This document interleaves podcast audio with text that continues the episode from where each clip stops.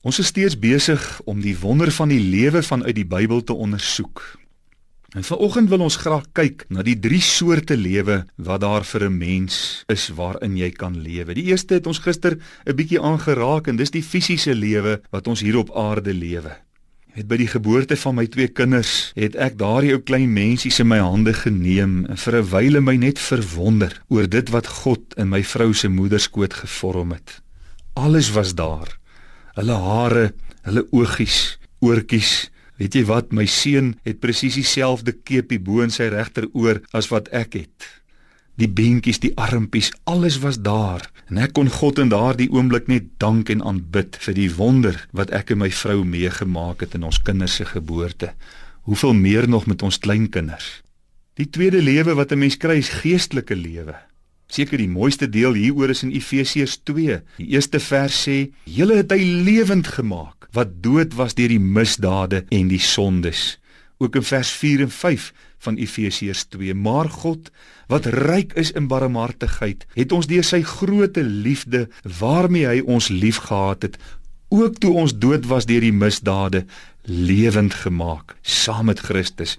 Uit genade is jy gered." As gevolg van die sondeval is die mens van nature dood in sonde.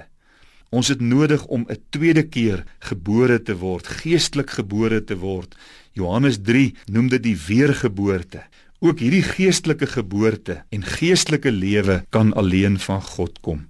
En dit is waarvoor die Here Jesus sy lewe aan die kruis gegee het.